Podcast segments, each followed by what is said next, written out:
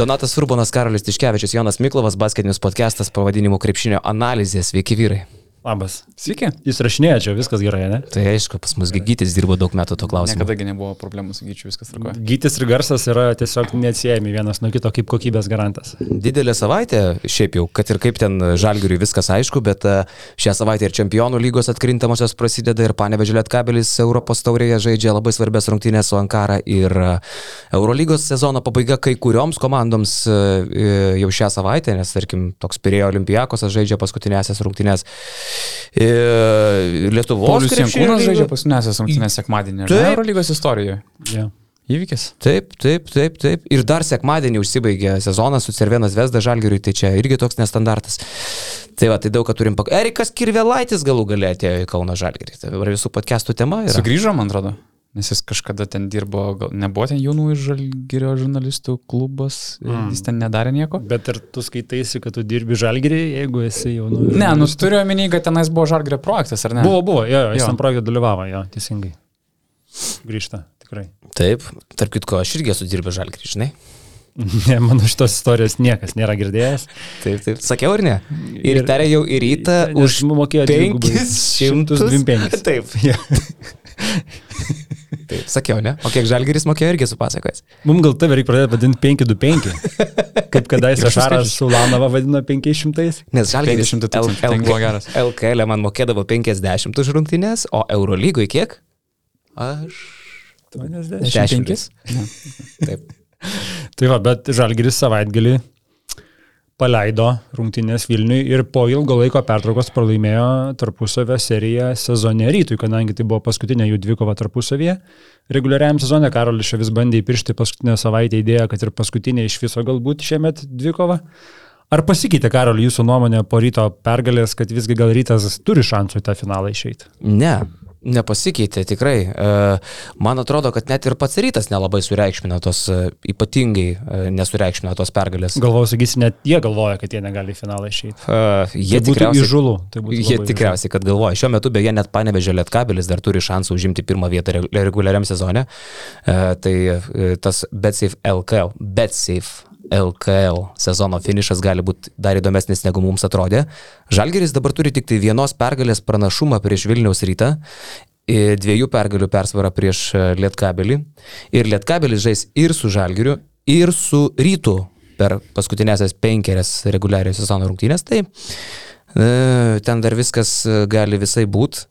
Bus turbūt viena įdomiausių reguliariojo sezono pabaigų. Anksčiau niekad tikrai nebūdavo tokio, tokios intrigos, kilintą vietą komanda užims, dabar matom ir Žalgiris turi namų aikštės pranašumo praradimo grėsmę. Rytui labai būtų gerai iššokti pirmą vietą išvengti Lietkabelio, nes Lietkabelis su didžiuliu pasitikėjimu eitų į seriją su Rytu. Aš nesimenu, kada buvo taip įdomu iš tikrųjų. Nu, ką reiškia įdomu. Labai įdomu, čia, turnyro LKL, mama. Jo. Įdomu, kiek lietkabeliui bus įdomu žaisti su rytų ir žalgiriu, nes jie tuo metu žais Europos taurės atkrintamosiose. Tai ar jiem bus įdomu? Man, Siekti man įdomu, LKL o tau bus pergalių. įdomu. Nes aš žiūriu, kai tu karpai ausytėm kalbėdamas apie LKL, nu, tu ne, ne, neblizgai akis, kad labai jau ten sakytum, va, kaip čia aš, kaip mane intriguoja tas LKL. buvo įdomu žiūrėti ryto Žalgirio rungtynės sekmadienį. Be abejo, nu, tai aš susidomėjęs, komentavau su Gintaru Krapiku beje ir Vaidu Čiaponiu. Girdėjot Krapiką, kaip, kaip Trumpai girdėjau, aš jeigu tikrai per serbus transliaciją žiūrėjau šitą, nes nežiūrėjau rungtynių dieną, peržiūrėjau tai, dėl jūsų, jeigu- dėl podcast'o šitą transliaciją. Aha. Tai Nikus labai buvo serbų komentatorius. Kodėl per serbus? Nes aš taip susišaudžiau transliaciją, o per lietuviškus kanalus neturėjau kaip pasižiūrėti. tau taip nepatinka Krapikas, kad tu per serbus tu- žiūrėjai? jeigu būčiau žinojęs, tu kitą kartą būčiau- tu kitą kartą sakyk, mes turim prieimą prie nu LKL nu įrašų, va. suprantai visų, gali Ne, tai atsisiųsti. aš undergroundinis visokius streamus tenai siunčiuosi. Serbišką televiziją žiūri. Ginteras Krapikas, beje, aš gal nuo kito galo prie tų rungtinių prieisiu, puikiai debituoja televizijoje ir e, aš manau, kad ta mūsų sena svajonė, kuri e, yra kokių dviejų mėnesių senumo, kad Krapikas taptų podcasteriu, jinai turi šansų išsipildyti, nes Ginteras dabar save išsibando ir podcast'o ampluo, ir pakomentavo, jam abu šitie žanrai patinka ir yra labai nemaža tikimybė, kad kitą sezoną mes Ginterą Krapiką turėsim televizijoje. Tai šalia tokio Lino Kleizos Mikrofon, Televizijoj- mikrofonų pasaulyje būtų labai didelis papildymas iš e, krepšinio zonos. Televizijoje turėjo meni, kad jis komentuos aktyviai rungtynės, ar jis tik tais į studiją? Mm, manau, kad ir pakomentuotų ir į studiją, jeigu, jeigu tik tai negaus kontrakto, nes dabar e, vėl čia yra kas įkalbina Lietuvoje, yra kas norėtų, bet jisai pats sako, nu, man likti visą sezoną Lietuvoje, e, tai yra negyventi su šeima Vokietijoje, na tai nebent už jau labai gerus pinigus. Labai gerų pinigų čia mažai kas gali mokėti, kas yra labai geri pinigai, na 8 tūkstančiai, 9 tūkstančiai eurų už, už mėnesį. Tai čia čia kabelis negali tiek mokėti. Tai, nu, turbūt tik Neptūnas yra ta komanda, kuris, sakykime, Domaičių moka septynis. Bet ar tai čia su avansu, man atrodo, ir Kazys geriausiais laikais net 5-6 neperlipdavo. Jo, jo, tai jeigu Lietkabelis pasilieka Čianako, ten panašu, kad taip vėl turėtų atsitikti, tai, Sakai? nu, o ką ne? Nežinau. A, tu viską Nežinau, žinai. Senas nežinau. tu suolačiau, pasakok. Ne, nieko negaliu pasakoti. Aš tiesiog ne, nebūčiau toks tikras. Donatas Urbanas, Čianakas palieka ne, Ne, Lietkabelį. aišku, kas yra gerai Lietkabeliui, kad e, Žalgeris susirado Maksytį ir išvengs nenandas dabar tų klausimų, tai ar norėtume treniruoti Žalgerį. Tai ta, ta tema užsidaro ir potencialus pirkėjas Čanako užsidaro. Ko gero užsidaro ir VTB lygos e, rinka. Aš aišku nežinau Čanako politinių pažiūrų, kiek jam rūpi, kiek jam nerūpi. Nes matom ten puikiai vis toliau žaidžiančių Serbijos krepšininkų VTB pirmenybėse, bet manau, Ir jisai Čianakas yra iš draugiškų valstybių, nes dabar rusai parengė nedraugiškų Ai, turi- valstybių sąrašą ir nebeįleistų žmonių iš vis atvykti į šalį. Tai Serbija tikrai patenka į draugiškų O valstybių. kiek yra iš sąrašą. viso valstybių, kurios patenka į tą sąrašą? Ten keturios kokios? Nedraugiškų valstybių? Draugiškų, draugiškų, nes nedraugiškų tai beveik visas pasaulis, o draugeliai tai kas? Serbai, indai, Kinai, graikai galbūt turėtų. būti. graikai, ne, nemanau. Aš nesuprantu to Europos ryšio. Sąjunga vis tiek, Europos Sąjunga turbūt visa bus, gal išskyrus Vengrija kokią. Aha. Mikronezija beje nutraukė diplomatinius santykius su Rusija. Smūgis. Tai yra smūgis. Bet labai trumpai prie Krapiko grįžtant, akivaizdu buvo, kad visgi Bet tai tik, komentuot... atsiprašau, Rusija nežinojo apie diplomatinius santykius su Mikronezija.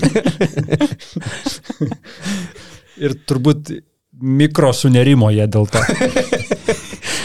jo, kiek galima pasijuokti karo fone, tiek jau pasijokėm turbūt. Ja. A, Tai kalbant apie grafiką, turbūt akivaizdu, kad visgi komentuoti televizijų rungtynės yra kažkiek sunkiau negu kalbėti podcast'e. Aš tokią išvadą padariau, nes nu, matėsi, kad jam tai buvo pirmas kartas komentuojant rungtynės ir pajusti tą ritmą reikėjo laiko. A, Galbūt pradžioje jis ir per daug kalbėdavo, ar net televizijoje negali, komentuodamas negali užsikalbėti labai ilgai, nes užgo- užgožinėjai kitus.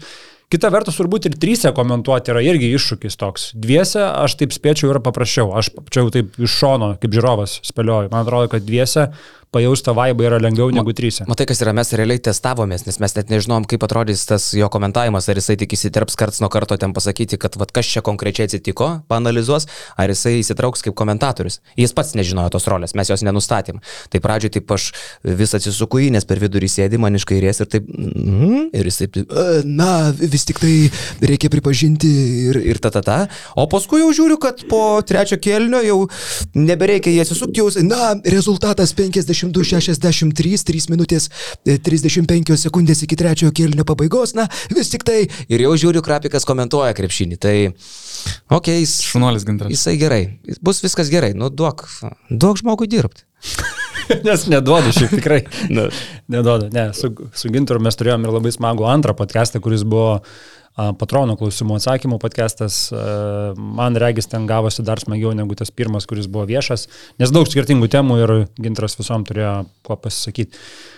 Bet einant link rungtynių, tai kaip ir tarp praeitą savaitę kalbėjo Lekšas, kad jeigu Lekavičius ateis į rungtynės neišsimegojęs, tai rytas turės šansų. Tai Lekavičius iš vis netėjo į rungtynės ir iš tikrųjų turbūt iš karto tapo akivaizdu. Nu, Žalgiris be Lekavičiaus, aš sakau, aš, aš keldavau tą klausimą, aš nesuprasdavau, kaip jie sugeba laimėti Eurolygos rungtynės su Tai Websteriu ir Janis Trielniku aikštelėje apskritai. Uh, tai tiesiog būdavo irgi didžiulis Lekavičiaus indėlis. Tai čia likę jie be Lekavičiaus tokios rungtynėse. Uh, nu, nuo pirmųjų minučių turbūt matėsi, kad uh, tas polimas nebuvo užtikrintas. Jeigu metimai ir įkrisdavo, ten tie Kavanaus tebekai, kurie nu šiaip nėra labai įprasti net jam, įkrisdavo, bet uh, matėsi, kad tai nėra tas polimo, uh, visa tekmė polimo, kuri gali laimėti rungtynės tokias. Yra dar vienas dalykas, Žalgeris buvo padėjęs kersant šitų rungtynių ir tas labai keista. Kiek? Uh, komanda buvo absoliučiai e, pasirengimo su prienais žaisti lygyje. Aš to norėjau paklausti, būtent Jono reflektuodamas, kiek galėjo turėti įtakos vis dėlto Kazio Maksvyčio e, naujiena visai Žalgerio komandai, nes buvo pirmas rungtynės e, po Maksvyčio paskelbimo, Jonas nubreikino naujienas su Karoliu ir, ir tai buvo pas pirmas mačas ir mes pamatėm tą komandos veidą. Ar tai gali turėti įtakos, ar tai yra atspindys to, kaip reagavo komanda, su kokiu nustikumu atėjo į mačą? Bet ar gali dabar tai pradėti galvoti, kad jau nebeverta čia prieš to trenerio stengtis, nes ateis kitas? Nu, logiškai mums stebint iš šono taip tikrai netrodytų. Tai atrodo labai neprofesionalu ir kas taip elgesi, dar liko keli sezono mėnesiai ir galų gale patys žaidėjai turi, vėlgi neveltui Elgras Sulanumas paminėjo, kad kai kuriems čia iš vis paskutinė Eurolyga, tai tie žaidėjai turi dirbti ant būsimų kontraktų, turi būti labai suinteresuoti. Iš kitos pusės, kiek, kiek man teko bendrauti su uh, žmonėmis, kurie yra labiau iš klubo vidaus virtuvės, tai sako, tokios naujienos paskelbimas ir išlindimas yra visiška tragedija uh, klubui. Ir ilgainiui, vienai par kitaip, kaip vėžys, jis iššaknyja per visus korpusus. Tai Zdovsas niekada neturėjo milžiniško pasitikėjimo iš žaidėjų pusės. Zdovsas uh, ne, neturėjo didžiulio pasitikėjimo iš tos pačios vadovybės, kuris svarstė visokius įėjimus dar aplink Karaliaus Minugo turės turnyrą. Ir dar tokia višnaitė ant torto, nu, iš viso kai kurie žaidėjai gali nuleisti uh, rankas. Ir sakau, man tai atrodo kažkiek nelogiška, neprofesionalu, bet žmonės, su kuriais bendravau iš klubo vidaus, sako, kad tokie dalykai labai labai kerta per psichologiją. Aš nemanau, kad Žalgeris dabar atrodys taip blogai, kaip atrodė Vilniuje, likusią sezono dalį, bet teoriškai galimai tai galėjo būti kažkiek dalelė ir to, kaip komanda sureagavo, kaip jie pamatė situaciją ir kaip, kaip jiems reikės ne tai, kad motivuotis, žaisti likusias svarbės rungtynės, reguliariojo sezono finišę laimint namų ištės panašumą, laukia LKL finalai, pusfinaliai ir taip toliau, kaip Zdovcas priims komandą, jis neturėjo to ryšio su komanda, kiek jis norės dar išsireikalauti iš tų žaidėjų, jeigu tie žaidėjai nesileis treniruojami, kiek jis eis į konfliktą, kam jam eiti į konfliktus, jis žino, kad išeis iš tos situacijos. Tai va, yra daug tokių psichologinių niuansų, su kuriais aš nesutinku, bet sako, tai tikrai komandos viduje tokie dalykai veikia. Aš šiaip irgi, aš gal esu tas old schoolas, kur man būtų sunku suprasti tokį nusiteikimą, kad dabar žinodamas, kad šitas treneris nebeliks, tarsi tu kažkaip dėl, dėl jo nebekovosi, bet tu kovoji visų pirma dėl savęs, visų antra, visi žino, kiek yra svarbu žalgerio ryto mūšys abiem komandom, toks ilgalaikis jau čia tarsi principo reikalas iškovoti pergalę. Tai Nežinau, aš sakau, man, tai, man asmeniškai ir tai yra sunkiai suprantama, nes aš atrodo visą laiką galvočiau pirmiausia, kad aš turiu dėl savęs kovoti, dėl savo garbės, o ne dėl trenerio ar kažko. Jo. Na, Žinai, pažiūrėsim. Beje, šią savaitę Eurolygoje Žalgiris jau irgi iš esmės dėl nieko nebekovoja. Pakilti iš paskutinės vietos, tai čia vienintelis, vienintelis motyvas dar, kuris veda tai kurį laiką turnyrinė prasme. Bet dabar jau nebėra net šansų pakilti aukščiau negu 14 vieta, ne? Kiek aš ten žiūriu. Jau jie labai labai labai teoriniai. Teoriškai taip, bet praktiškai mes suprantam, kad ne. Nes abu du pralaimėjo Sveliui, tai dabar lieka taip lenkti tai Pavo. Taip, ja. taip, tai, bet Pavo pažiūrėjau, kad jie dar sužaidė gerokai mažiau, dviejomis rungtynėmis mažiau už Žalgirį. Tai čia irgi sudėtinga situacija.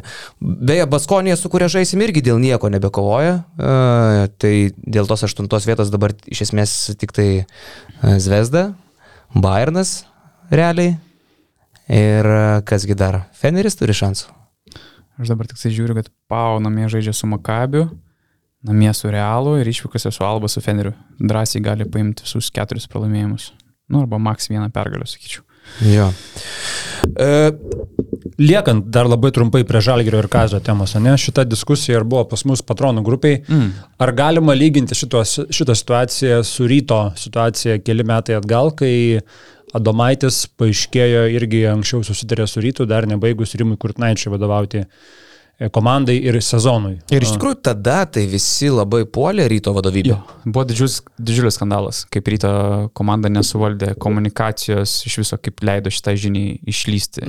Du asmeniai skirtumai. Vienas tai, kad lietuvis, tiek Dainiaus Adomaičio atveju, kai jis keitė Kurtinaitį, tiek kai Donaldas Kairys keitė Adomaitį, ne? Čia vienas pagrindinis dalykas, kad, kad krenta lietuvis. Mes vis tiek kitaip žiūrim į lietuvį, aš galvoju.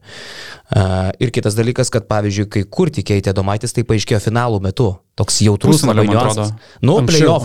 Bet ten labai buvo dramatiška serija su Neptūnu ir labai jautrus momentas. Jo, ir ta, tas momento jautrumas keitė. Tai sakyčiau, du kampai. Vienas, kad lietuvis, mums lietuvių gaila, mums lietuviai brangus. Tolbiau kurčio. Zdovco nieks nemyli, kai kurie net ir nekenčia, ne? Dėl kartais ir nepaaiškinamų priežasčių, bet tiesiog, nu, žmogus neprilipo. Uh, Žalgeris nelaimintis, kapo, tampo antakį, tokie šudukai nereikšmingi, bet jis nemylimas Lietuvoje. Kurtis buvo mylimas. Ir tai daug ką dar keičia. O, Ir- ir, o ar, tai, ar, tai yra, ar tai yra verta žalgerio vadovybė dabar? Ar žalgerio vadovybė verta kritikos? Nežinau. Aš manau, kad verta tokiais atvejais, jeigu tu užsidarinėjai sandorį vasarį kovą, tu turi padaryti viską nuo savęs, kad ne tik iš tavo pusės ta informacija neišeitų, bet, nu, nežinau, kaip prigrasinti ar ką pridaryti, kad, nu, ir iš trenerio pusės ta informacija neišeitų. Ir manau, kad abiem e, atvejais buvo ta pati sunkinanti aplinkybė. Lietuvos krepšinio federacija Būtent, viską žinojo. sakyt, taip. ir bijau, kad šita Lietuvos krepšinio federacija yra žymiai atviresnė kalboms ir, ir visokiam nuotekom, negu buvo Sabonė federacija. Ir čia yra turbūt esminis momentas, Maksytis turėjo suderinti reikalus su Lietuvos krepšinio federacija. Dar nepamirškim, kad yra naujas Vilnius klubas, kuris buvo suinteresuotas atsivesti Maksytį, taip kad per daug situacijų, kur galėjo nutekėti tą informaciją. Bet iš kitos pusės, nu, klubas vis tiek turi, turi valdyti šitą momentą. Kažkokiu būdu, nežinau kaip, bet čia irgi atsiduria, nu, viskas susiveda į, nežinau, kokybę, profesionalumą, šimtaprocentinį šustrumą šitam darbę, kaip, kaip išlaikyti šitą info. Nes labai retai iš tikrųjų, e, kur vat, pagalvojam apie, apie Europą, apie Eurolygą, nu, retai, kada išgirsim, kad jau vasarį kovo jau aiškus treneris kitam sezonui. Kokia situacija. Šiuo bebūtų. atveju suvaldyti informacijos buvo neįmanoma. Šiuo atveju buvo neįmanoma dėl to, kad įsitraukė federacija, įsitraukė Gedvilas, Balčiūnas, jie padeda Maksvyčiui dėrybose su Pauliumi Motejūnu, nes Motejūnas nori, kad Maksvytis netreniruotų rinktinės, buvo tokia pirminė Motejūno sąlyga.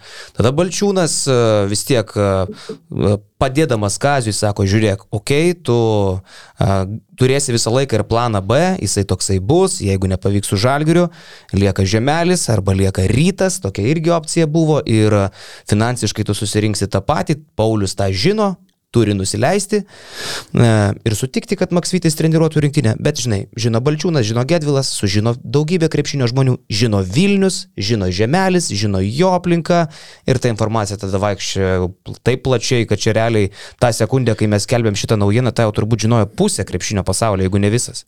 Ir čia yra tas momentas, kur, vat, na, Jūras Dovsas po rungtynių sakė, kad, va, man skaudu, kaip jūs reaguotumėt. Vėlgi, sunku įlysti į, į, į jo batus ir žiūrėti iš vidinės perspektyvos, bet, nu, pripažinkim, mums iš šono jau spalį buvo viskas aišku, kad Jūrės Dovsas nebus ilgiau žalgrėje negu pilną sezoną. Aš nesimnu, ar su Kurtinaičiu buvo tokia vieša opinija, kad jis tikrai neliks Vilniuje, aš kiek girdėjau, tai ta trintis su ryto vadovybė buvo milžiniška ir, nu, ten buvo aišku, kad e, Gudelis iškos e, naujo trenerio. Čia bet irgi buvo viskas aišku. Ir man atrodo, Paulius Matijūnas net pristatymo konferencijoje gana aiškiai pasakė, kad tai yra mm, variantas iki sezono galo ir mes žiūrėsim. Ir ne, niekad netrodė, kad Žalgės galėtų ryštis prie trenerio, kuris po dešimt metų pertraukos grįžo Eurolygą, iššoko iš niekur, Slovenas, neturintis kažkokių didelių sąsajų su Žalgiriu, neturintis, atrodo, kažkokių didelių perspektyvų į ateitį. Tai sakau, iš tos loginės pusės tai kaip ir nieko skaudaus, nieko skausmingo ir dėl to galbūt ta situacija yra kiek kitokia negu ryto, Adomaičio ir Kurtinaičio atveju. Bet sakau, kiek kalbėjau su, sakykime taip, klubo žmonėmis, kurie žiūri iš abiejų stovyklų, nes vėlgi čia gali sakyti ryto fanai, a, jūs šnekat kitaip, nes čia yra žalgeris, čia jau čia yra kitaip. Kiek kalbėjau su abiejų klubų stovyklom, tai abiem čia yra skausmingas dalykas. Ir sako, a, sako net mes lygintumėm vieną situaciją prie kitos. Tai yra antiek nedėkingas momentas klubui, tik klubas pralaimė šitos situacijos ir pasiekmes e, žalgeris turėtų pajausti, sako. Bet vienas variantas Pauliui Motijūnui išvengti šitos situacijos buvo nesiderėti su Maksvyčiu. Nes kai tu dėriesi su Lietuvos rinktinės treneriu, šalia kurio yra Mindaugas Balčiūnas, nu tu įtrauksi natūraliai per daug žmonių. Sulaikyti informacijos buvo tiesiog neįmanoma, derantis su Kaziu Maksvyčiu. Aš neginu Paulius, jau ko neginu, tai Paulius Motijūno.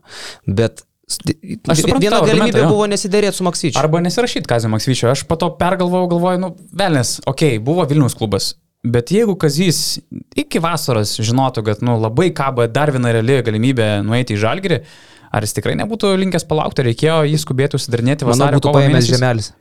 Kas yra? Būtų paėmęs žemelis. Žemelis darė viską ir labai nedaug trūko. Bet žinai, velnės, Žalgeris kabinasi į Sfairopolą. Žalgeris e, skambina klausia, ar Čiavi Paskalis būtų atviras. Labai daug įdomių trenerių perėjimų Eurolygoje gali būti vasarą ir labai daug įdomių trenerių gali būti paduoti į rinką. Žalgeris Čiaviu domėjosi. Paskambino pasidomėti, kokia yra jo situacija. Tai Okay. okay. mandagiai atsakė, kad nu, nėra variantų. Čia vis Zenitai uždirba pusantro milijono, Zenitas nori jam dar net e, auginti algą. Tai čia iš vis Sferopolas, kuris prašė maždaug kiek daugiau negu pusės milijono eurų e, jam ir, ir jo komandai jau atrodo, kad buvo nelabai kandamas, aišku, tai labiau buvo Janio sprendimas e, atsisakyti, bet sakau, ką noriu pasakyti, šita rinka kaip niekad buvo galbūt įdomi ir dėkinga Žalgiriui palaukti. Ar Kazys Maksvytis su visa pagarba jam, aš manau, kad jis tikrai nusipelnė šito šanso, kaip jis jo pasinaudos, tai mes pamatysim, bet manau, kad nu, tokio rinkoje Žalgiris galėjo palaukti ir išvengti, kad ir tokių situacijų, nors čia smulkmena viso šito istorijoje. Mhm. Bet gal jie kaip tik jau buvo pernelik užsilaukę su Kaziu, kiek jau buvo tokių nepavykusių atvejų, kada jie jį galėjo pasiimti ir nepasimdavo, atsiminkim nuo parmos neišleidimo iki pernai metų vasaros, kai buvo nuspręsta, kad visgi važiuojam su Šileriu antram sezonui. Ir jau tokie keli kartai, kur nusivilo, kad gal šiemet nusprendė, kad nu, nebereikia žaisti, jeigu mes jo norim, tai mes jo norim ir mes jį užsidarom dabar. Ai, bet nežinau, ar, nu, ar Kazys Makvitis yra tas treneris, kur tu, tu nebegali laukti. Aš sakau, aš labai myliu Kazį, kaip, kaip žmogų, kaip treneris, tikrai vertas to šanso, bet velnės, ne, nežinom, kaip jis tą šansą išnaudoja, žinai. Čia nėra, kad tu lauki Šarūno Jasikevičius ir tu palie, padarai viską, kaip būdavo, nežinau, su Klyvlendu viską paukodavo, visas e, dalis sudėliodavo, kad tik Lebronas Džeimsas turėtų tą progą iššokti į tą maksimalų kontraktą. Aš nežinau, ar Kazis Maksvitis, kaip čia pasakyti, nusipelnė tokios pagarbos iš Žalgerio, kad statyti jį aukščiau visų tų jau įrodžiusių savo vertę trenerių Eurolygoje. Bet tada dažnai vėl tai yra ir įvertinimas trenerių. Jisai vienaip jaučiasi, kai jis tikrai jaučia, kad jisai gauna va, tą maksimalią pagarbą ir maksimalų norą klube, nei kad toks, žinai, ai, gal reikės, gal nereikės ir tada tu ir pats nesijauti labai tvirtai. Ne, Faktas, kad Kazis jaučia bonusą e, dabar tokį emocinį e, būstą į žalgirių, kad štai toks didžiulis pasitikėjimas jau dabar. Uh, Bet nežinau, sakau, aš kažkaip vis labiau pergalvoju šitą situaciją, matau labai daug kabliukų, kaip jis atvyks e, rugsėjo pabaigoje, kokią komandą jam padės komplektuoti, sudėti. Jūs patys sakėt podcast'e, nei jis ne tai, kad moka, nei jis yra labai gabus dėlioti komandą, ką jis turės aplinkui. Paulių Motejūną, kuris turėjo didžiulių problemų po Šarūną Esikevičiaus, Erika Kerevelaitė, tarsi su visa pagarba jam. Ok, jaunas bičias labai faina, bet aš manau, kad ta komanda, Paulius Jankūnas, kuris potencialiai turėtų žimti sporto direktorius, galbūt vietą, nežinau, atlikti Roberto e, Jeftoko funkcijas. Turi Motijūną, Jeftoką, Kirvelaitį ir Kazį Maksvitį, kurie neturi nei jokios Eurolygos patirties, kaip dėlioti Eurolygos klubą. Aš, okei, okay, Matūno situacija yra kita, bet suprantate, apie ką aš kalbu. Neturi jokio tokio gido mokymo ir aš tiesiog matau žalę kompaniją, kuri turės labai atsakingą užduotį visiškai perkomplektuoti žalgerio sudėtį ir įteikti ją treneriui, kuris tą Eurolygos patirtį turėjo tik tai su Klaipados Neptūno, bet sėkmingai žaidė Eurolygoje ir su Simu Galdiku, nežinau, ten Mindugas Girdžiūnas būdavo ir kiti, labai sėkmingai pasirodė, viskas tvarko, bet lygis jau visai kitas, kalibras yra visai kitas ir atsakomybė yra milžiniška. Ir aš šitoj kompanijai pasigendu patyrusio žmogaus, patyrusio vilko, kuris, iš kurio galėtų mokytis ir visi aukti kartu. Ir man, man pasirodė logiška, kad Ginas Rutkauskas turėjo grįžti į Žalgirį. O, tai be šansų. Ideali, būtent be šansų dėl kažkokių santykių su Pauliu. Santykių su Pauliu Matijūnu, dėl ko jis ir išėjo iš, iš Žalgerio komandos, dėl ko Paulius Matijūnas nusprendė jį patraukti. Bet logiškai, kiek mes galim kalbėti vėl apie tos pačius principus. Paulius Matūnas laikydamasis principų labai daug pralaimėjo per pastruosius du sezonus, eidamas po Šaro eros. Dabar situacija, kur Rutkauskas nebeturi darbo Krosnodarė dėl karo, jis pats nusprendė palikti Rusijos klubą, kaip ir patogi jam sugrįžti į Žalgirį prie tos komandos, kuriai labai reikia komplektacijos pagalbos, labai reikia patirties. Nežinau, gal tu netiduok visų vadžių jam, bet apstatyk komandą ir kartu ieškok geriausių sprendimų. Dabar vėl Motinas rizikuoja, nežinau, sakau, nebent e, ne Paulius Jankūnas, bet kažkoks kitas žmogus bus atvestas į klubą, bet aš labai to bejoju ir aš e, neįsivaizduoju tokio scenarius. Čia Marius liepia, tai pasakyti. Taip, Marius sumokėjo, dar viena puikia reklaminė kompanija jo klientams, dabar jo tėvui ir, ir panašiai. Bet šiaip sutinku su, su kampu, kad uh, Ginas Rutkauskas dabar būtų visai neprošal žalgiriui. Beje, apie asistentą šnekant. Kaip Gintaro Krapiko kandidatūra užimta asistento poziciją dabar? Aš kalbu apie tai, kad pasiruošimo laikotarpis reikalaus patyrusio trenerio, ne šiaip savo Tomo Rinkevičiaus, o patyrusio Eurolygos mačiusio trenerio, kuris galėtų komandą ruošti iki Kazio uh, prisijungimo. Jeigu atmestume, kad Kestutis Kemzūra ne, kas tas kitas žalės ir patyręs, ža, žaliai baltas turiuomenė asistentas ir patyręs uh, galėtų vesti žalgerį pasiruošimo keliu iki Maksvyčio pasijungimo? Nu, jeigu jau vien vertinant tuos buvusius Kazio asistentus, e, tiek Tomą Rinkevičių, tiek Gintarą Kadžiulį ir tu vertini Gintarą Krapiką, akivaizdu, kad Krapikas turi žymiai daugiau patirties. Gal net jisai kaip asistentas ir net yra dar stipresnis šitoj pozicijoje negu kad kaip vyr treneris. Jisai asistentas buvo ir rinktiniai prie Jono Kazlausko. Aš ir, asistentas ir buvo prie Antanos Reikos anksčiau. Norėtų jo, Krapiko. asistento pozicijų. Jo, jisai, jis, jisai tikrai yra tas žmogus, kuris turi labai tokį žmogišką prieimą prie kiekvieno. Jisai kiekvienam skirs dėmesio, su kiekvienu pasikalbės, neįkirės, bet ir nekalbės nesąmonių. Ir toks žmogus, su kuriuo tiesiog yra labai lengva bendrauti ir dažnai asistento vaidmuo toksai ir yra, nes vyr treneris jisai negali visiems skirti vienodai dėmesio, su visais pasikalbėti, jausti tą pulsą, dažniau asistentai jaučia tą pulsą, tą, tas nuotikas komandai. Ir toks vyresnis vilkas Plius turi dar visus raktus nuo rūbinės. Gintaras Krapikas vis dar turi žalgerio e, magnetinę kortelę. Jis visur įeina. Pas juos Vis su, dar. Su piršto anspaudu įeina, tai jo anspaudas nepašalintas, manau. Ja, Su anspaudu. ja. Nes sakė, turi kortelę, tai reiškia, jau jinai nebegalioja. A. Gal ir kortelės būna, bet šiaip jie tikrai turi anspaudų, su kuriais įeina. Šitai. Taip, taip, taip. Ja.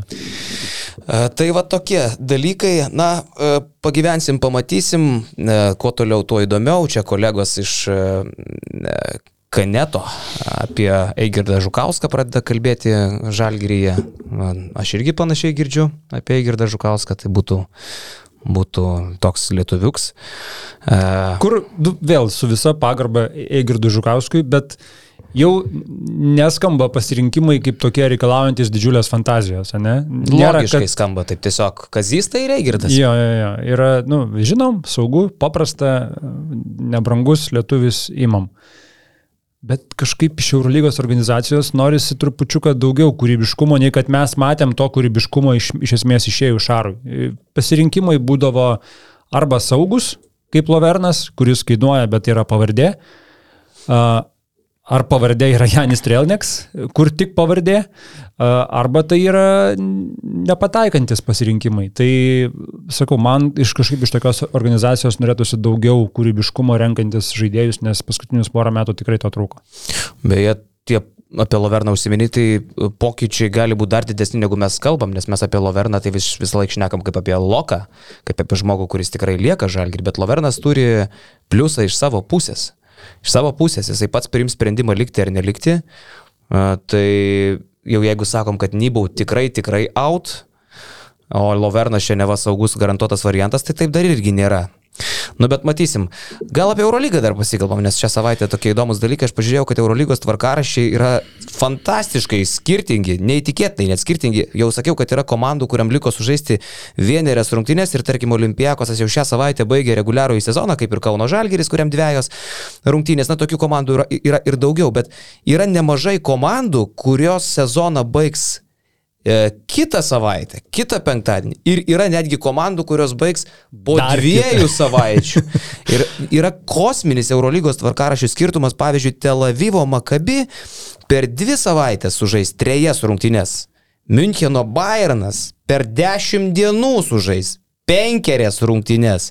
Per penkias kitos savaitės dienas, pirmadienį, trečiadienį, penktadienį, sužais tris rungtynės Müncheno Bayernas, maža to, iš paskutinių penkerių rungtynių Bayernas žaidžia ketverias išvykose, tai čia yra e, Andrėja Trinkieriui čia išprotėjimas absoliutus yra. E, aš neįsivaizduoju, kaip tą atlaikyti, aišku, Bayernas vis dar favoritas užimti aštuntą vietą, bet e, sunku, žiauriai sunku. Trinkieri, sorry, buvau nusijungęs, Gudas oficialiai išeina į Italiją, į Napolį, galėsim trumpai pakalbėti. Mhm. Trinkieriai labai susnervinęs buvo dėl to klausimo, turbūt matėte, ne, po pralaimėjimo Panaikosui, kur, kur Dora, labai šaunė Eurolygos žurnalistė, pasakė, kad tai buvo netikėtas pralaimėjimas ir jis labai supyko.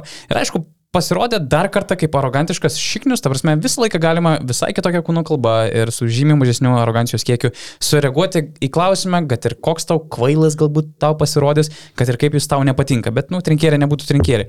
Iš kitos pusės jo pyktį galima suprasti. Bairnas turėjo didžiulių prisiminkim, turėjo šiaip didžiulių traumų problemų visą sezoną su labai svarbiais žaidėjais iškentant. Taip. Dabar turėjo COVID, kur tie patys žaidėjai antrą kartą susirgo COVID. Sako, jie dvi savaitės treniravosi penkiese, šešiese ir tik prieš pat rungtynės supavo, supavo prisijungė kiti žaidėjai, bet jie treniravosi individualiai. Ir sako, nu, katastrofiškas procesas, ką tu minėjai, rungtynių skaičius nenormalus, treniruotėms nėra laiko, treniruojasi jie rungtynių metu.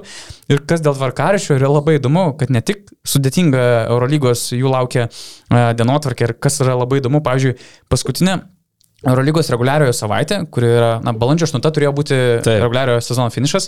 Jie žais pirmadienį, trečiadienį ir penktadienį išvykose su Feneriu Efesu ir Realu. Taip. Ir kas dar yra neįtikėtina, kad jie turi rungtynes balandžio 1 ar balandžio 2. Čia yra skiria tą ant, balandžio antros dienos mačą dvi dienos iki Fenerio rungtynių ir jie žais dvi rungtynės per dvi dienas. Tai jie turbūt statys dvi komandas toms rungtynėms Vokietijos čempionate. Vienas su Zvezda Eurolyginis mačas ir tada su Oldenburgu Vokietijoje žais, nežinau, antra Bayerno komanda. Tiksliai, aš dar, tokio. aš dar nepridėjau Vokietijos čempo, tai čia tas tvarkaraštis jų dar Čia sudėtingesnis. kosmosas. Aš, ne- aš nesu matęs dar Europoje tokiam lygiai, kad kažkas žaistų dvi dienas iš eilės. Ir dar išsitraumavusi komanda po Taip. COVID. -o. Aš sakau, jeigu trinkieris atlaiko šitą uh, savaitę, išeina į playoffus, tai bus labai gerai, bet, uh, nu, bus labai sunku. Šiaip trinkierio likimas Bayernė irgi turėtų turbūt paaiškėti, vat, uh, sulik šitą Eurolygos uh, atkarpą, sulik šituo finišu. Jeigu jis atlaikys gerai, susitvarkys su tuo, tai viskas ok, nes, nu, tos kalbos apie tai, jog Svairopolas kandidatas į Bayerną irgi uh, nėra iš piršto lauštas. Tai vadinasi ir su trinkieriu, ir pesičium irgi nėra visai idealų santykiai. Ar jo pozicijos Bayernė nėra iki galo tvirtos. To irgi nesuprantu, kaip ir kontraktas yra, bet kas ten su juo bus, tai neįsivaizduoju. Bet irgi girdite tokias kalbas, ne? Jo, jo, ir labai keista girdėti, lik, lik ten niekas neplanuotų ateities su trinkėriu. Nu va, tai čia uh, toks kampukas. Šiaip ką, yra aiškios visos keturios komandos, kurios Eurolygoje turės namų pranašumą, tai yra Barça, Realas, Olimpijakosas ir Armani. Dėl Armanio dar labai labai mažų tikimybių yra, kad jie gali tą vietą prarasti. bet Jos tokios mažas, kad aš jau net apie jas ir nebekalbu. jo. Jo, o šiaip man labiausiai gaila Albos. Uh, Labai gaila Albos, labai simpatizuoju šitai komandai, fantastišką darbą atliko Izraelis Gonzalesas šį sezoną, bet Alba teoriškai dar galėtų pasikapoti dėl atkrintamųjų, bet šią savaitę dviejos žiauriai svarbios rungtynės, o jie neturi pusę komandos. Iškrito Sigma ką tik.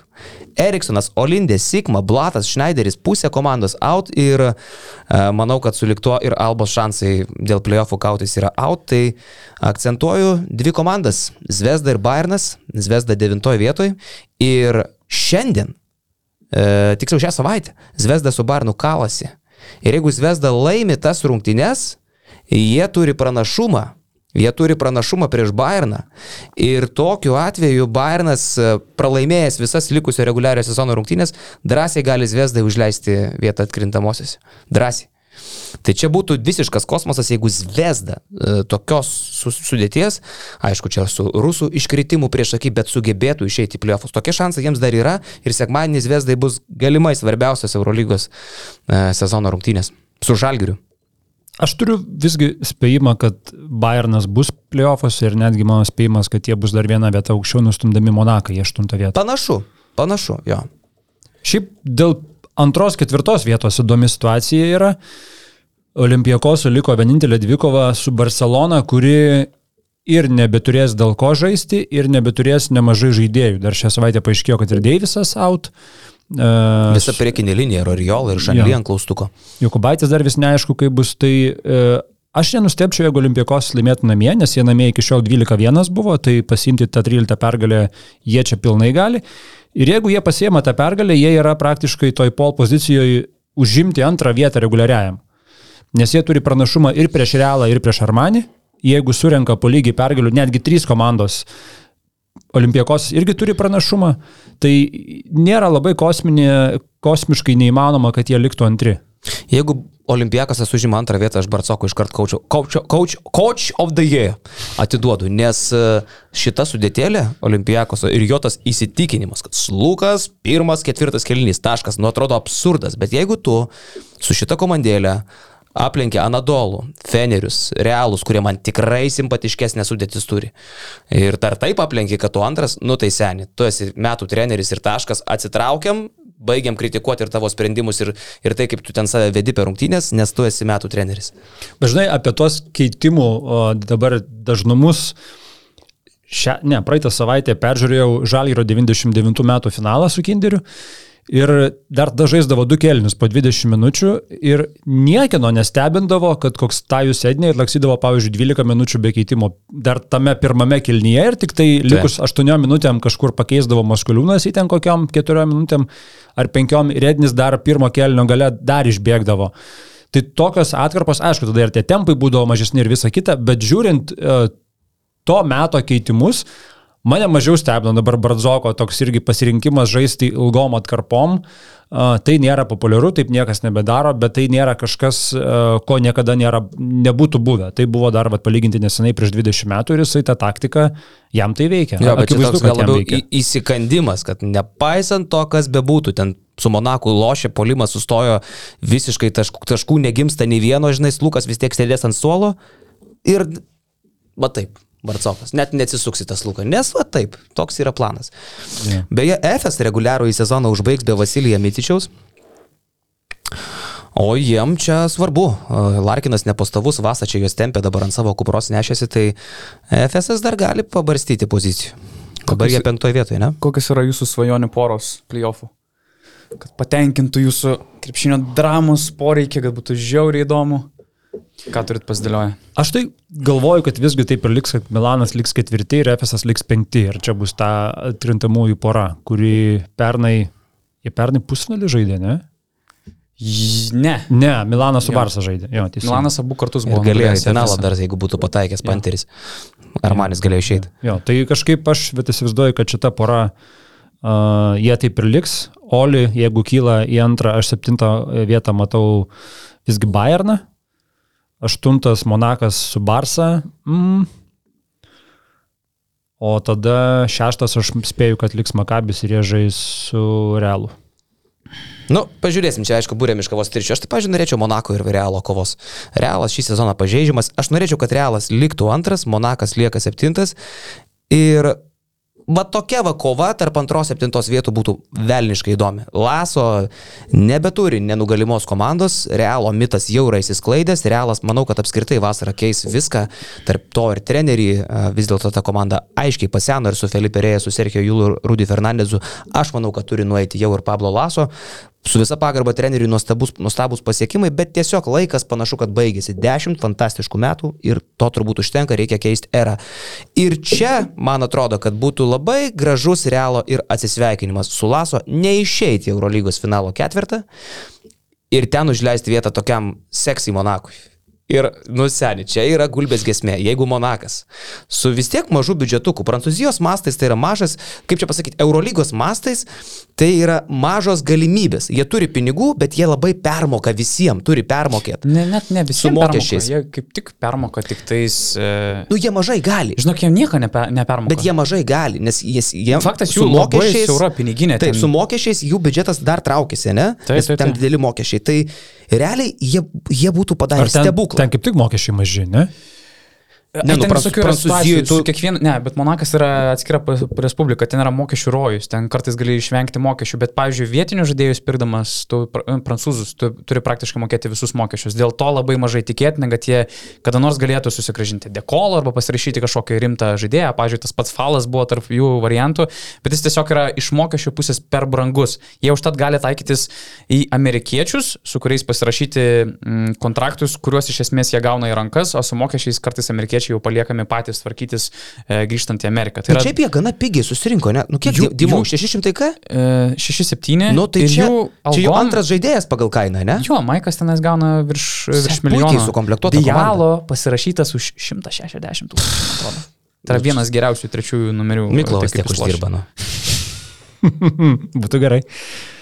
Tai žodžiu, jo, Manakas tai labai faina. Aš, aš net norėčiau matyti juos prieš Barsą, bet man patinka ir tavo realų idėja, nes e, Barsą, kad nukaltų, būtų labai gaila, bet iš kitos pusės manau, kad Manakas iš tų antro aštuoneto pusės komandų yra geriausias priešininkas Barsai mes kažkokį iššūkį.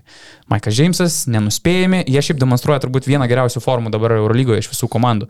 Taip kad intrigos prasme ir lietuviško akcentų prasme ir neslėpsiu, nu, aš turbūt važiuosiu coverint šitos poros tiek į Barsą, tiek Monaką. Tai Monaką nori. aišku. Tai Monaką aš labai noriu, bet ir faina, nu vis tiek ir lietuviai, ir vienoje, ir kitoje komandoje. Iš tikrųjų, geros turėtų būti rungtynės. Gal kartu važiuosim? O, o taip, O, o, prašau. Kaip manai, gal mes kartu galim su Donatu važiuoti? į kokį monakėlį, tai ten eikt. Gerai gyti ten monakė, ne? gal. Noriu, kad Anadolu neišeitų į Final Four. Kodėl? Noriu, kad neišeitų Anadolu. Neverti, su Tiesiog aš noriu, požiūriu- kad būtų, būtų gerai treniruojamos geros hebros. Aš noriu Monako, noriu, kad Saša, aš noriu Monako Final Four, kad Saša gautų tai, ko nusipelnė. Aš kalbu apie Obradovičių. Kad jis, kaip sakė Dimau, yra juodadarbis treneris, kad jis šitą komandą sutvarkęs, sugebėjęs Maiką Jamesą įdėti jam soskę į burną ir, ir, vėl, ir vėl tvarkingai save vesti, priversti, dar sugebėtų šitą komandą ir nueiti į visišką stebuklą. Tai aš labai noriu Monako, aš nenoriu Argino Tamano ir jo tu nenoriu, aš noriu, kad vėl susitvarkytų situacija ir mes suprastume, kad turi būti gerai treniruojamos komandos Eurolygos Final Four. Aš noriu tos tiesos. Tai Barsa, Monakas, uh, ok, Oli, aš nemėgstu tos komandos, kaip jinai atrodo, man ta sudėtis atrodo per pilka, neįdomi, Barcoko taktikos man nepatinka, bet jeigu jau taip, nu tai seniai, jeigu iki galo, tai į Nu, Final Four. savotiškas žalgeris 2018 metų. Jo, nu ir kažkaip tokio gal vat netikėtumo norėtųsi, pavyzdžiui, Makabis, ne? Tai tu Svairopulas. turi jau Monaco Final Four, tau dar reikia netikėtumų. Nu o ką? Dar mažai. O ką? Ne, Ne, ne, ne, aš- kas nevertas, aš- Kas, tai kas Makabis. treniruoja Makabį? Seniai. e, Mes net nežinom to žmogaus pavardės. Norėjau sakyti DNFD, bet net Nu. panašiai skamba. Laima Vaikulė treniruoja Makabį. Aš labai noriu Makabį. Va tokių, va, žinai, kad... Evi, Evi vadyd kažkoks ten, ne? Jo, kad tiems žmonėms, iš kurių niekas nieko nelaukia, kad jiems sektųsi. O Makabis turi sudėti, bet... Makabė šiaip treniruoja iš esmės Algymantas Brūžas, nes jis panašias funkcijas atliko šį sezoną, tai skautino žaidėjus ir kažkiek prisidėjo prie treniruočio. Ir Makabis jau pradeda turėti širdį. Uh, Bet aš... jie neverti Final Four, kas jau kas O, aišku, kad jie neverti labiau Final Four. neverti Final Four, ypač dėl tų rezultatų su Rusijos klubais, e, jie būtų smarkiai pakritę, pagal žaidimo kokybę neverti, dar išmetė Janę, dėl ko aš labai ant jų pykstu, jie yra labiausiai neverti Final Four. Na, bet uh, vis tiek kažkas turės eliminuoti realą. Tai aš... Tai laik- tai būnė tai Monakas. Aš jo. laikau Jeigu- špikas jeigu arba už rinktis iš Monaką. To antro ketvirto, tai tegul būna Monakas. Ja. Aš šiaip noriu Makabį ir Milano a, poros, nes e, Nanalis e, tose rungtynėse, kurios neseniai vyko ir nugalėjo Milano Makabis, visą grajų treš tokino ant e, Milano suolo, ten ir Mesina, po to piktas ėjo, aiškino treneriams, bet aiškino treneriams dėl Nanalį, tai ten nesuvestos sąskaitos iš jų. Au. Šiaip Nanalį yra labai sudėtingo charakterio vyrukas, tai čia būtų daug dramos, netikėtumo faktorius, pykčių, asmeniškumo, tai būtų gera para. Tai Nanalis yra uh, Makabio gintaras Einikis. Sakė Einikis kažkada, kai CSK žaidė, Krapikui faką parodė. Prabėgdamas pro suolą. Okay. Taip, bet sakė, paskui paskambino ir atsiprašė. Nu, Ai, nu tai prašau. tai dar nėra tas blogas. Jo, jo. Mm, Beje, Ispanijoje šiandieną, e, šiandieną, šią savaitę bus ir du mūsų žurnalistai, Jonas Lekšas ir Kazimiras Labanauskas. Teisingai. Vienam iš jų už kelionę moka žmona, kitam basket newsas Teisingai. e, duos medžiagos. Kad baskaitniusas turėtų iš ką mokėti į kel keliones, reikia, kad džempus kažkas pirktų. Opa. Kokius džempus? Galbūt tuos, kuriuos dėvime šitame podcast'e, redaktoriu. Šit galbūt tikrai taip. Kas galėjo apie tai pagalvoti? Fantastiška linija, a tu turi vaikų. Bet vat, už šitos... Antano Sireikos frazė. Už šitos mes nieko neuždirbsim. Ne, Sireikos buvo, o ar jūs turite vaikų? O, tai čia kita frazė. O Šarūnas po kokių 16 metų patobulino šitą frazę ir pa- pasakė, o ar tu turi vaikų? Pasakė, o ar tu? Bet šitą nuotrauką iš Lietkabelio rungtynių, kuris teisėjams rodė. Jo, tai sakau, čia yra džempas, už kurį mes tikrai neuždirbinėsim, absoliučiai visas pelnas, kuris už tą džempą bus, keliauja ne šuniukam, o vaikam. Okay. Organizacija Gelbėkit vaikus, kuri Ai, dabar... konkrečiai šitas. Būtent jo, Okay. okay. šitas džempas. Kiek kainuoja? Mano mėgstamiausias šitas. O kiek stumdai? Su kapišonu KEM 5, be kapišono 40. Nuolaidos kodas. No, no laidos kodas. Na, bet tiek kainuoja džempai dabar, žinau. Bet yra kokybiški džempai. Padarom jo, kodą tiskė 10. su, su kodu tiskė 10 gausi 3 procentų nuolaidą. Žinai, kada yra daromos nuolaidos, kada neperka. Kada reikia paskatinti. Arba, arba turėjo paskui per daug ir reikia išsiparduoti labai greitai iš šluoja. Pas mus šluote šluoja, taip. Tai šiaip turim dar, yra, yra trispalvės modelis, aš norėjau uždėtą trispalvę, bet tiesiog šiuo metu neturim dar tokio pagaminto, bet manau pasipuošim. Irgi ten labai gražus toks piešinukas trispalvės, tada yra tokie minimalistiniai virtuozas, čia Ka- Karolis sugalvojo šitiem džempam virtuozas. Jo, jo, čia yra Taip ir virtuozas. pavadinai, aš ambairę pasakiau. Taip ir pavadinau, taip. Geras. Dar turim aikštelę, kuri irgi tik priekį aikštelė, arba pilnas žempas, kur nugaro aikštelė priekį pirštukas. Turėjo nugaros kažką čia. Ne, man reikia ant šitą. Nėra. Ne, nėra. Mhm. Tai shop.basketnews.lt būtinai apsilankykite, įsigykite džemperių. Pirkdami šitus jūs neduodat mums ne vieno centuko, bet paremėt Gelbėkit, Gelbėkit vaikus. vaikus organizaciją, o jau pirkdami štai šituos, jūs tiesiog darot mus labai pasiturinčiais podcasteriais. Vat būtent. neleisim sumeluoti, neleisim sumeluoti, taip ir yra iš tiesų. Gerai, vyrai. Taip. Nu ką, Lietkabeliukas. Žiūrėkit, aš dabar tokį dar Eurolygą? padarysiu. Kol, kol nenuėjom nuo Eurolygos temos, norėjau labai tokią trumpą situaciją priminti iš rungtynių tarp ryto ir žalgerio apie vis dar Eurolygos žaidėją. Beje, Janio Strelniko statistika antrame Eurolygos rate. Turit spėjimą? Žiūrėjot, girdėjot? Aš žiūrėjau, žinai, nuo kada? Aš žiūrėjau nuo tada, kai iškrito kalnas. Tai čia yra trupučiuką turbūt vėliau nei kad... Iš esmės, jo, aš pažiūrėjau paskutinių septynių Eurolygos rungtynių plus dvikovą su rytu. Tai Janis Strelnikas antrame Eurolygos rate antrojo sezono stadijoje, kai turėtų žaidėjas įsivažiuoti, kai lemiamas kovas, kai turi demonstruoti, už ką tu gauni vieną didžiausių lyginimų žalgėje. 2,2 taško, 1,9 asisto, vienas, viena klaida per rungtynės ir iš, iš viso Iš viso, viso, viso, du naudingumo balai. Antrame Eurolygos rate. Visas, net ne vidurkis. Čia iš viso. Šeik. Ir kas yra įdomu, e, kad e, nežinau, ar pastebėjo komentatoriai e, buvę arenoje ar kas nors dar, bet jis turėjo kažkokį mini konfliktėlį ant žalgerio suolo. Pastebėjo, man iš Va. karto parašė žinutę, kad taip yra, bet aš negalėjau patikrinti to. Mm. Tai nesakiau į eterį, bet jo, girdėjau. Paskui dar ir pasiaiškinau, kas ten buvo. Mm -hmm. Nežinau, gal tu įsiaiškinai. Aš irgi pasiaiškinau, bet sakyk Okay. labai įdomu. Nes si- situacija paprasta. E, Likus maždaug 3 minutėmi iki rungtynių pabaigos, Žalgeris gauna apie 15 taškų nuo ryto, kaip ir viskas aišku. Taip. Ir aš kiek supratau iš to, ką rinkausi informaciją, Jūrijas Dosas kaip ir norėjo leisti į aikštę Janis Strelniką. Taip. Bet ar jis nepatenkintas nenorėjo ten eiti, ar pradėjo muistytis ir Zdovsui nepatiko, kad jis ten ilgai muistosi, jo nebepakėlė ir viskas. Strelniko nebebuvo, ar gavosi toks konfliktėlis e, ant suolo. Ką, ką, ką tu... Taip, girdėjai? lygiai tą Ai, patį. pats. Lygiai tą patį, bet tiesiog, kad ten maždaug nesusipratimo lygyje viskas buvo. Mm. Ten, nu, nes Strelnikas tipo savo po vizą nepatiko Zdovcui. Kaip jisai ne, nenoriai kyla, tarsi kyla, tarsi nekyla ir Zdovcas numojo ranką, gerai sėdėk. A. Šitą užpipinom. Ir, ir viskas, bet konflikto realiai, nu, tipo, kaip ir A. nebuvo, žinai. Okay. Nes galvoju, blemba, jeigu tu taip žaidi, tarsi mes matom ir tavo kūno kalbą, energiją, čia ne tik apie lygį, čia apie norą, tarsi Janis Strelikas nuleidęs rankas jau žaidžia e, kelis mėnesius ir jeigu dar tu ant suolo bangas kažkokias keli, nu sorry, iš tokio patyrusio Eurolygos žaidėjo labai liūdna girdėti, matyti tokius dalykus ir čia yra kažkas kažkiek rimčiau. Net ir neiti į aikštę, nu sorry, vykdyk trenerio nurodymus. Tarsi Janis yra paskutinis, kuris čia gali vadinti kažkokią primadoną šį sezoną žargai. Ir aš, jo, aš sakau, aš žiūrėjau nuo tada, kai komandai nebeliko Manto Kalniečio, tai iš karto po KMT jisai sužudė septynerias rungtynės Eurolygoje ir dar pridėjau šitą ryto mačą. Taiklumas sniperio yra 10 iš 45 metimų. E, Tritaškiai yra darbai, jis jau 3 iš 22. 9,5 procento. 3 iš 22 dvitaškiai. Tritaškiai. Tritaškiai. Tritaškiai. 3 iš 22 tai yra 14 procentų. Vieną iš 7 pataiko, tai va panašiai kaip tu 7 bet Žymiai sniperės geriau konkurse. pasirodžiau 7 bet sniperės konkurse. Mano pataikymas 7 bet sniperės konkurse viršijo 15 procentų. Tai tu meti geriau negu Janis Strelnikas. Taip. Nes bent jau antrame rate tai 9,5 procento, trajekai 29 procentai dvitaškiai. Bet aš nesu Eurolygoje pagarsėjęs kaip vienas geriausių Latvijos visų laikų Tai metikų. uždirbi 400 tūkstančių eurų per sezoną. Gal 2, gal 300, bet ne 400 tai 400. neuždirbu jo. Ir vėl, ir palyginti e, tų trijų žalgerio gynėjų plius minus per šitą atkarpą irgi imant tik tai Eurolygos mačius ir šitą dvikovą su rytu.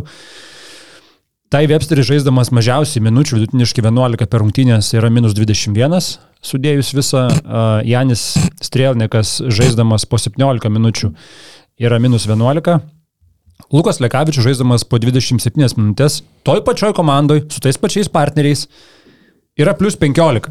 Šitoj pralaiminčioj, šitoj beviltiškai žalgerio komandai Lukas kažkokiu būdu sugeba būti plus 15 Eurolygos rungtynėse.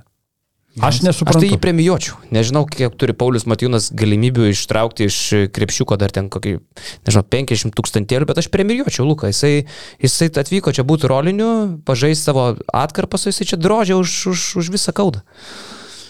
Nu, Nu. jo, čia šitie pasirinkimai. Visą laiką mažo augio krepšininkai, jie nu, turi tą didelę širdį, žinai, aš vat, iš savęs galiu pasakyti. Kad kai esi nedidelis žaidėjas, tu turi didelę širdį. Bet smagu, kai žinai, kai iš patirties gali pasakyti, kaip ten būna. Šitas Taip, taip, labai taip. gerai. Taip. Su Janiu Strelniku antrame Eurolygos rate Žalgerio polimas yra 15,5 taško prastesnis negu jam sėdint ant suolo, o gynyba to įkraunasi Mykolo Stumbro Bibalitiksų statistikos lobby.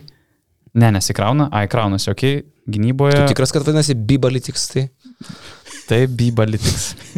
A, gynyboje pasirodo daro teigiamą įtaką Janis Strelnikas, netikėtina, nors buvo, ai, polimo jo reitingas buvo terrible net pavadintas. Nu, žodžiu, katastrofa visiška. Ir dar tokie vaizdiniai ant atsarginių suolo. Tai va. Jo, tai uh, tiek galbūt apie Eurolygą, tiek apie Žalgirį, uh, šiek tiek apie Lietkabelį, ne? nes uh, tai yra vienintelė komanda, kuri netrukus liks Europoje, kai Žalgirį šią savaitę finišuos, Lietkabelis tęs ir aš manau, kad tęs uh, solidžiai toliau. Šią savaitę Lietkabelio laukia žiauriai svarbus mačas su Ankara. E, apskritai liko trejos rungtynės - Ankara, Hamburgas ir Metropolitans, Prancūzijos čempionato lyderiai. Ir Lietkabelis objektyviai, realiai kaunasi dėl trečiosios vietos. Tai nėra, kad mes teoriškai galim, mes galim visai kaip ir šansai, e, vertinant likusį tvarkaraštį, yra tikrai realūs, bet tam reikia pergalių ir tam reikia laimėjimo jau šią savaitę būtinai, nes tai yra tiesioginis varžovas, tiesioginis konkurentas. Ir bairis tame, kad norint užimti trečią vietą, jiem net nebūtina laimėti visko, kas liko. Jie net gali kartą tam pačiam Hamburgui pralaimėti. Jiems svarbu uh, nugalėti tas komandas, kurios yra arti jų, tai Ankara rytoj ir, ir Paryžių, nežinau kada su jais žais, uh, bet iš esmės jiem net gali užtekti dviejų pergalių per trejas rungtynes, kad jie užimtų trečią vietą. Nes jie turi pranašumą tiek, tiek prieš Paryžių, tiek prieš Andorą. Na ir aišku, dar svarbu tai, jog dabar žais namuose su Ankara, dabar žais namuose rungtynės rytoj, tai yra trečiadienį, e, Cido arenoje vėl na, turi būti žmonių, aš tikiuosi, kad panevežėčiai jau susipirko tos bilietus ir įsimes jų dabar į savo pirkinių krepšelį, nes nu reikia palaikymo. Ir komanda, kuri laimėjo šešerias rungtynės iš eilės Europos taurėje, nepralaimi jau aš nežinau kiek laiko, panevežėčiai, kurie eina į areną, jau pamiršo, ką reiškia pralaimėjimai. 6-1 namie, tai pralaimėjo pirmas ir paskui laimėjo visas likusias. Jep. Tai va, tai rytoj žaidžia su Ankara. E, Komanda, kuri tikrai įveikiama Turkijos čempionate kelinti dabar Ankara 11. Tai Tikrai nieko ypatingo ten nerodo. E, pralaimėjom jiem Turkijai pirmas rungtynės 65-60, bet tikrai nugalimas. Varžovas to labiau, kad dabartinis Lietkabelis panašu, kad yra tik tai kilime. Štai dėl ko aš sakau, kad negali būti nei Žalgeris, nei Rytas Ramus dėl to, kad jie neva tikrai aplenks Lietkabelį LKL ir Lietkabelis liks trečias reguliariam, nes dabartinė Lietkabelio formytė ir pasitikėjimo savimi lygis, nu, yra pavojingi ir rytų ir žalgiriui. Ir kas įdomu, kad, na, jie užimdami trečią vietą, jie tikrai išvengtų tų komandų, kurios B grupiai e, tenka pojas dėl tos ketvirtos, penktos, trečios vietos, nes ten trys komandos dėl to malasi, Podgorica, Ljubljana, Bolonija, atrodo bent jau iš komandų pavadinimų Ljubljana būtų mažiausiai baisus, bet jeigu pavyktų Lietkabiliui finišuoti trečioje vietoje, šešta grupės komanda tai jau yra arba Bursa, Ulmas, arba, Venecija. arba Ulmas, arba Venecija, jau nebe tokie uh, vardai, kurie taip stipriai gazdintų. Nors negazdintų, sakyčiau, ir net ir tos kitos. Šiemet Lietkabilis toks, kuris iš vienų rungtynių gali įkasti bet kam. Yra labai įdomus momentas, kad Lietkabiliui visai neblogai finišuoti grupėje ketvirtiems, nes tada aštuntfinalyje jie pirmiausia sustinka su penkta kitos grupės komanda, labai reikia tikėtis, kad Virtusas iš, pakils iš penktos vietos, bet, na, tarkim, galime Pakils, pakils, ramiai. Podgoris ar PC9. Ir tarkim, jeigu pagal dabartinę turnyro lentelę, jeigu viskas baigėsi dabar, tai Lietkabelis įveikęs pirmą barjerą susitiktų su B grupės lyderiu, kuris yra Gran Canaria. Su visa pagarba, bet Gran Canaria yra tikrai įveikiamas varžovas ir mano akimis net parankesnis už, už Valenciją, tą patį Boloniją. Tai mes šnekam apie labai įdomų kelią mm, Europos turės playoffų medyje ir iš esmės, kaip ir mes Tu juokavom. čia pradėjai kalbėti apie Lietkabelio vietą ketvirtukė. Apie. Lietkabelio vietą Europos Eurolygoje. taurės fin- Netgi šitaip. Žiūrėk, čia truputėlį turėtume sustoti dėl... Sakai, tik čia, sakai, turėtume sustoti, ar ne? Nes, Su savo fantazijom. nes lyties keitimo operacija Lietuvoje, jinai yra legali, viskas, ar legali, ar Legali? legali dabar pilnai? Nežinau. Va čia aš irgi nežinau. Mums reikėtų, man atrodo, netgi darytis tai Kipre.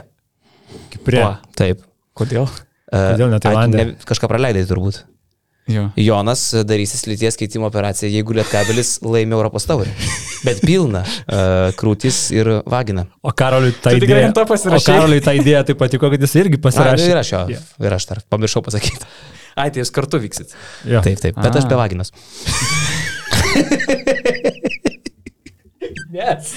Kodėl? Nu, nes aš laikiau čiurkas, kai sakiau, kad darysiu pilną. Yra įrašas. Bet Jo. turi laimėti būtinai. Neužtenka finalą patekti ir taip patekti į Eurolygą. Ne, turi Lietkabelis jau, jau priverčia mus galvoti apie tą operaciją rimčiau. Tai, tai irgi yra įspūdinga. Neįtikėtina, tarsi Lietkabelis patekęs į playoffus iš esmės yra per keturias rungtynes nuo garantuotos Eurolygos ir per tris rungtynes nuo...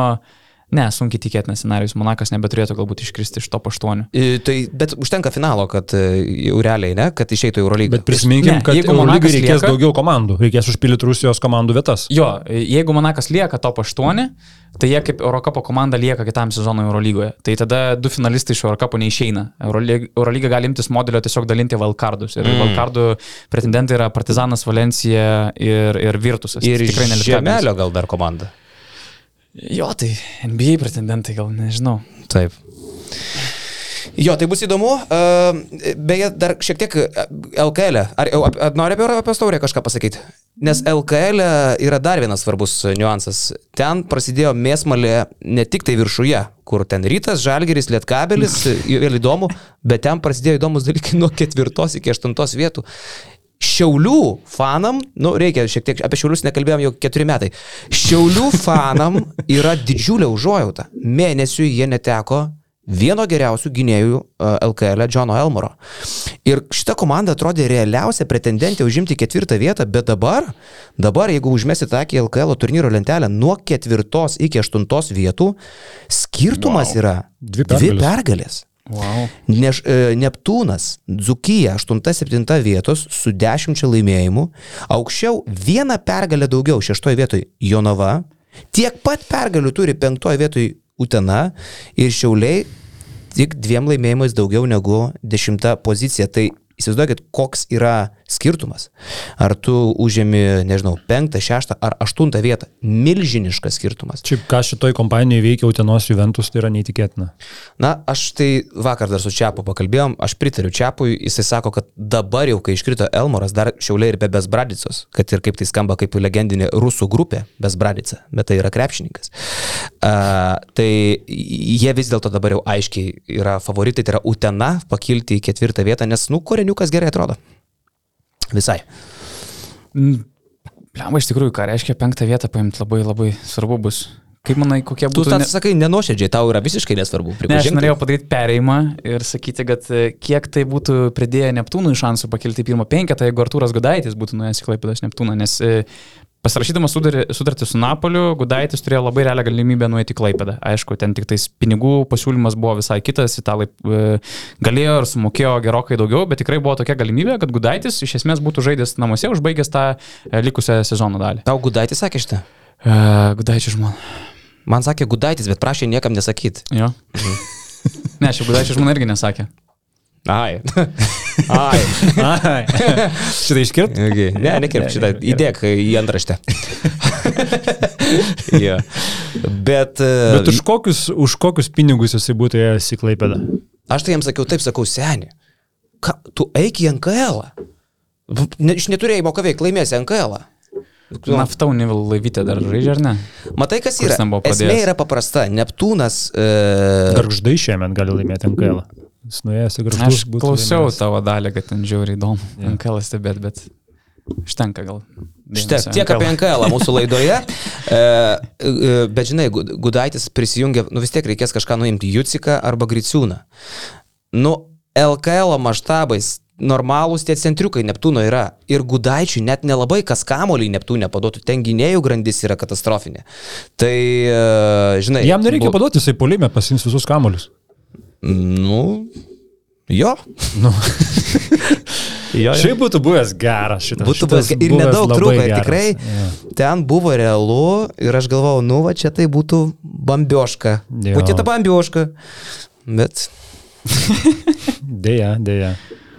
Nu, būtų spalvų nešė LKL, tikrai. Jo, tai tu čia pusę podcast'o taipinai apie tą gudaitę, ne? A, išėjo jau ta informacija oficialiai, kaip suprantu, Napolis ne, nepavyko tau jos nubreikinti.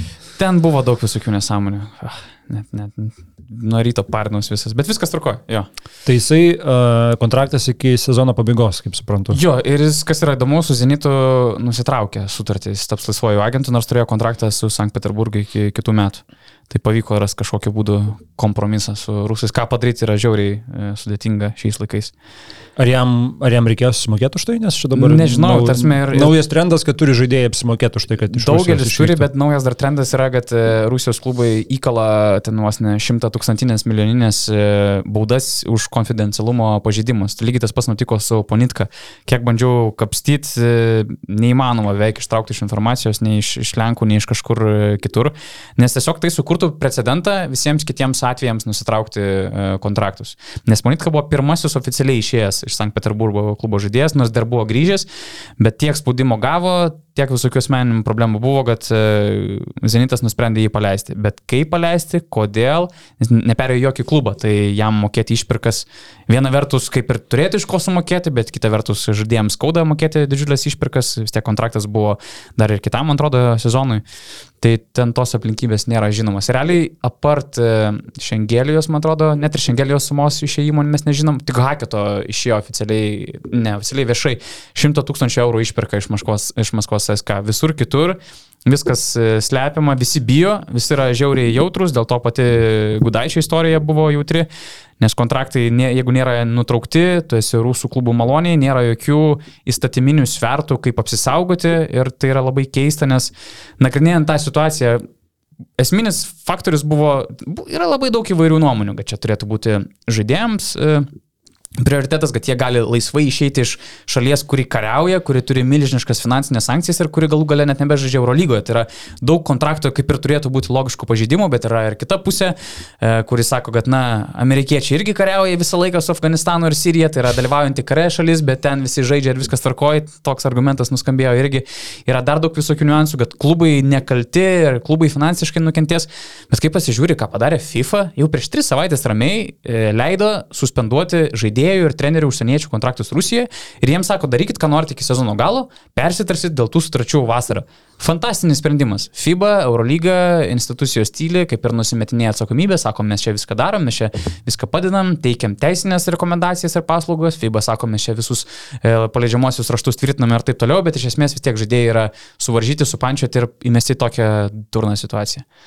Tas pasgi Jonas Braunas e, turėjo pokalbius su Perto Wildcats ne, komanda ir ten domėjosi tą komandą jį išsitraukti, pasibaigti sezoną, bet irgi tas visas dalykas strigo vien dėl to, kad Kazanė yra užėmus tvirtą poziciją ir tiesiog nenori jo paleisti. Šiaip savo, turbūt nori irgi kažką gauti už tai, kad jisai gautų laisvę. Jo, Kazanės vos ne pozicija yra tokia, arba tu gauni babkės pas mus, arba tu negauni babkių iki sezono galo niekur. Tai Brentley išėjo ir iš karto jo jį ketina paduoti teismą.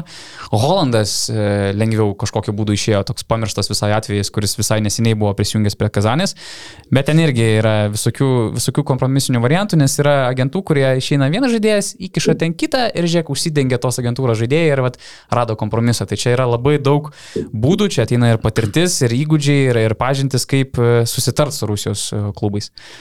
Bet šiaip pekla, turėtų būti aiškumas ir jo nėra nei iš FIBOS, nei iš Eurolygos, Elpa neturi teisinių jokių galimybių, tik rekomendacinės ir gaunasi eilinė košė makaliošė. FIBOS apskritai visas požiūris šitoje situacijoje yra mažų mažiausiai keistas. Per visą tą laikotarpį, jau daugiau negu mėno, jie du kartus paminėjo e, šitą visą naują realybę. Vieną kartą buvo paminėta situacija Ukrainoje, šitaip įvardinta.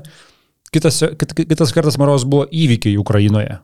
Ir, jo, ir dabar šitam straipsniu, kur parašiau į baskinius.com, jie pavadino tai armed conflict, tai yra ginkluotas konfliktas. Jo. Jokio karo Ukrainoje nėra.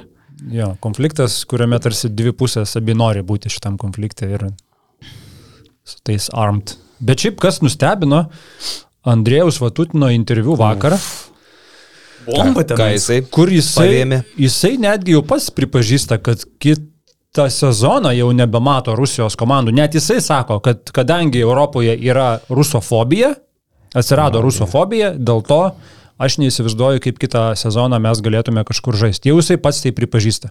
Jo, ir sako, kodėl mums reikia aukotis ir loš dabar Atenuose ir Serbijoje ten ir, ir sakykime, taip skausmint mūsų fanus ir, jo, pridedant prie to, kad jiems reikės keliauti po Europos valstybės. Jis labai atvirai apie Šengelį, kaip pasisakė, kad pirmą kartą istorijoje pusantrų metų turėjom žmogų, kuris turėjo labai didžiulių problemų nesutvarkydamas su kaukė ir ta kaukė ne, nėra medicininė. Yeah, yeah. Tarsi tokių citatų prišaudė, kad wow.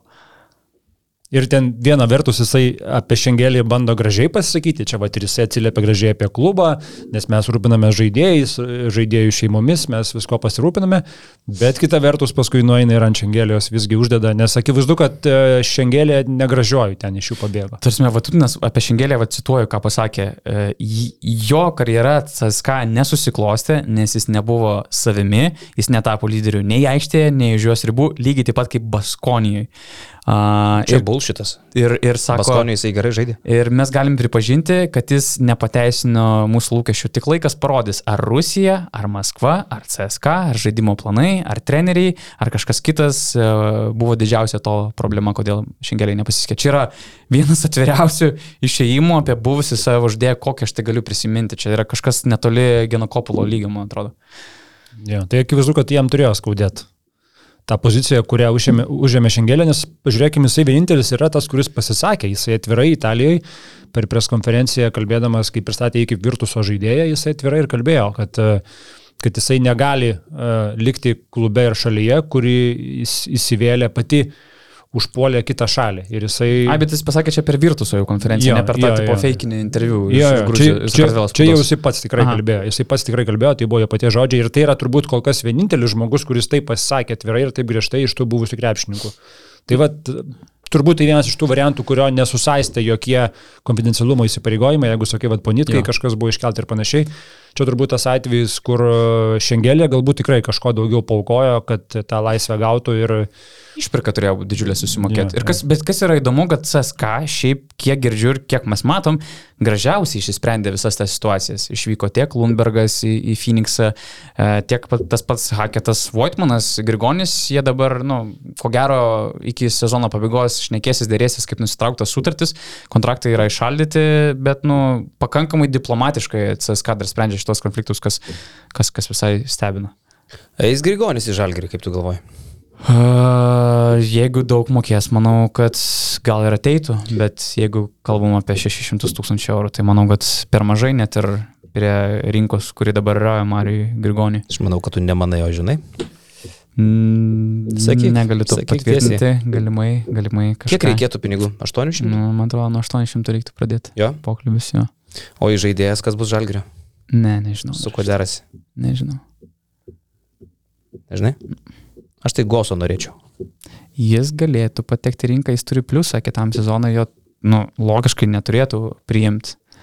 Ir Gosas turėtų, nu, jo alga, man atrodo, buvo 1,2 kažkur milijono, tai turėtų tikrai smarkiai kristi iki 600 galbūt netgi. Ir Gosui galų galia reikia komandos, kurioje jis vėl galėtų žaisti normaliai, Taip. 30 minučių ar ten panašiai ir, ir susigražinti Eurolygos jo. gero krepšininko vardą, jo, kurio iš esmės jis dar ir neturi. Jo, ir Žalgeris labai ilgai įkvietė, daug metų dar prie Šaro, tai galbūt čia ir būtų tas visai momentas. Jie. Yeah. Tai va. Bet jeigu tokia būtų gynėjų linija, jinai būtų be galo brangi, ar Žalgeris galėtų sauliaisti? Nu, kai Gosa plus Grigonis. Nusipirko trenerį Maksvitį, kuris neturėtų uždirbti daug, kai, nu, nenoriu eiti, ne, viskas gerai.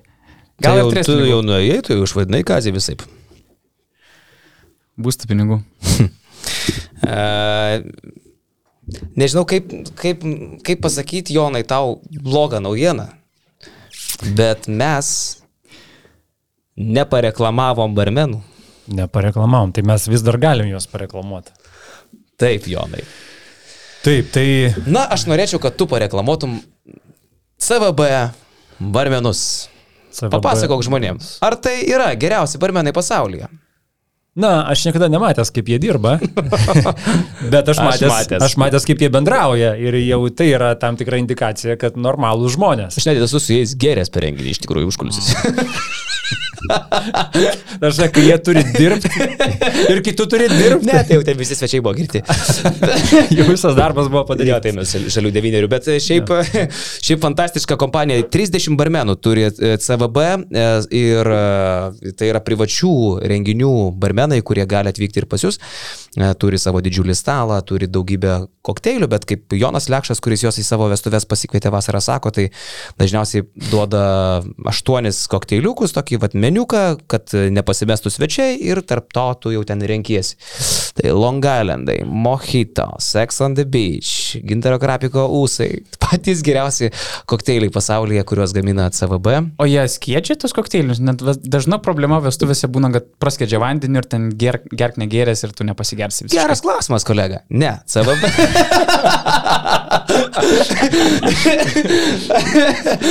CVB neskėdžia. Arba dabar tu skėdi tiesiog. jo, jo, jo. Tai CVB neskėdžia, bet uh, kas yra labai gerai, jie nevagia. Uh, va čia yra gerai. Ir Kažkas dar vagia. Patikėkit, Kaip galima vogti? Nu, pat, aš žiūrėkit, aš 12 metų vestuvėse. Tai, uh, Tai papasakok, scenarius kaip vagia. Jaunieji. Aš šią vasarą darau savo atsisveikinimo turą po vestuvės. Kaip, kaip selas? jo, jo, jo, viskas, paskutinis koncertas. Tuoj dar užversiu kažką apie karą, tai tikrai bus. Uh, supranti. Ta prasme, jaunieji nuperka alkoholį, ar ne, kad Jo. jis tam būtų išpilstytas, o Palauk, išvardinsiu dabar įmonės, kurios vagia alkoholį per vestuvę. Tai- jo, CVB nevagia, tas yra jų pliusas. Jie palieka tau viską. Aš, žinok, tiesą sakant, aš prisiminiau, kad per mano pirmą santoką jie irgi buvo. O, E, Kai tu nebuvai pas mane per vestuvės mano pirmas. Ne, nebuvau. Tai per antras būsi. Vagi. Mm, tai jo, jie, atsimenu, paliko. tavo vestuvės per Eurobasketą bus.